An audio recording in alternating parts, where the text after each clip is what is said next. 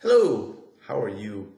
Today, uh, we're talking about a big problem that we all face, and that is procrastination disorder. Talk a little bit about that. Um, I'm also going to be sharing a couple ideas that I really like uh, to get over it.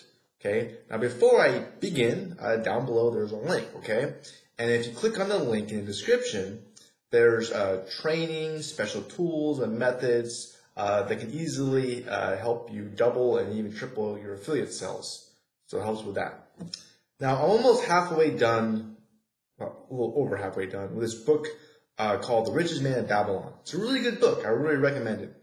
Uh, it just simplifies a lot of these lessons because we live in this confusing world with so much crazy shit going on. Don't bring up cryptocurrency. cryptocurrency. Okay. Um, but in, in, this book, one of the lessons he talks about is procrastination. Um, and the, the book is written in funny language like Shakespeare, you know, so it's, it makes it sound like there's a lot of wisdom in there. Uh, but what it says in the book is no man can arrive at a full measure of success until he has completely crushed, boom, boom, this spirit of procrastination within him. And we all have this spirit, this evil, evil spirit called procrastination. And um, in this book, it talks about uh, the guy has learned to attract good luck to oneself. It is necessary to take advantage of opportunities. Therefore, in the future, I shall endeavor to make the best of such opportunities, opportunities as, they, as they come to me. So that's how, when, when it means that someone's lucky, because they take advantage of the fucking opportunities that come their way. Yeah.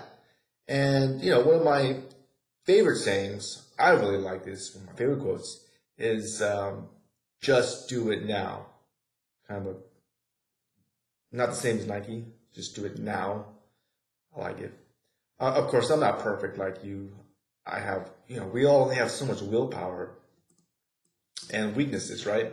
And that's one the one tip that I have for procrastination and this disorder that we all face is we only have so much willpower. I mean, let's all admit we're human we're we have desires, we have these flaws that we're all constantly dealing with.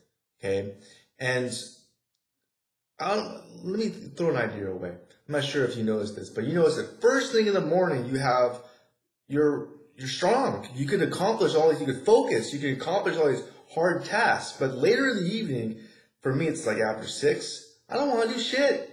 I don't want to work. I want to just be lazy, watch a little TV or something, play a video game. I don't know, play my guitar. I've actually haven't played that guitar in a long time. it's just collecting dust. I used to play a lot.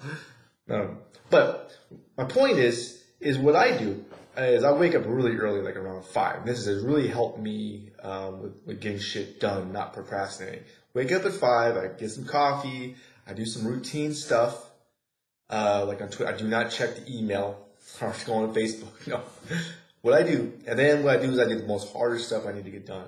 And up before 9 or 10.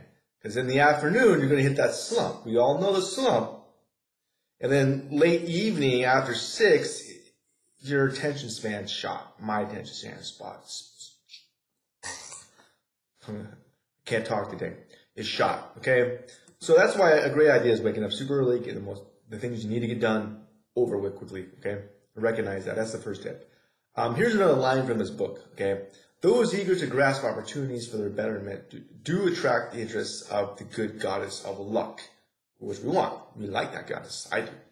She is ever anxious to aid those uh, who please her. Men of action please her best. So action will lead thee forward to success. Thus does do most desire. Do the action.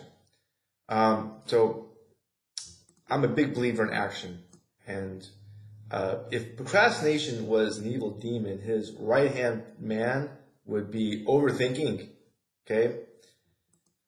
Um, overthinking destroys so many opportunities, success, robs you, I think. Uh, you know, in my own life, I'm not perfect. I'm actually getting a lot better at this, but I make decisions pretty quickly. And one of my favorite episodes from the Ask Gary Vee show, now Gary Vee is like insanely successful. Uh, but they were talking about overthinking, and, and Gary explained it really, really good. I thought it was one of the best episodes. Um, is what he mentions is deploy the resources that you can most afford to lose. Um, So you don't want to do anything that will put you out of business, you know, but taking action, especially if it's going to cost you money, is always better than pondering and wondering what would have happened. Because, you know, by the time you're thinking about too much, you could already got it done. Um, especially if it's not even that much money and it's going to help you. It's, it's just, there's not much of a risk. You can always make the money back too. Um, and the learning of the failure is equal to the victory. So micro failures, macro success. And I'll give you an example in my own life how I apply this uh, with Facebook. And I was wondering, I could have researched this, but I just chose to just see if it worked. I wondered if I have a Facebook fan page, right? And I wondered if I message people in the same niche, will that work? So I started doing it, and guess what happened? Yeah, I got banned. so don't do that. But it was a micro failure, but now I learned that you're, it's not really good to comment to a lot of people in Facebook. So don't do what I did. I've, there's a lot of lessons like that I've, I've experimenting with. Uh, but I also know what works too. Um, mo- a lot of things I learn what works is from other people. I so that's why I'm a big believer. If you click that link below, which I'm not trying to pitch too hard, but um, the guy is insanely successful. So there's this learning curve in life, especially when it comes to affiliate marketing, and you can really shorten that learning curve a ton by learning techniques and tricks from people who are really, really good that will put a lot more money in your pocket. And I wish I would have learned this a long time ago. Okay. Um, so I hope you enjoyed this video. I hope you got some value from it. Um, and if you did, if you liked it, please hit the thumbs up button. Okay, I really would appreciate that a lot. If you are interested in affiliate marketing, are you into it? By the way, affiliate marketing is a super, super, it's probably the easiest way to make money online. I honestly think that. I've tried so many ways for eight years. Especially if you click that link below. It's super, it's very easy, okay? Um, but if you're interested in making some money online, check that link below. I'm sure you're going to love it. And uh, I appreciate your time. Um, have a wonderful rest of your day, and bye for now.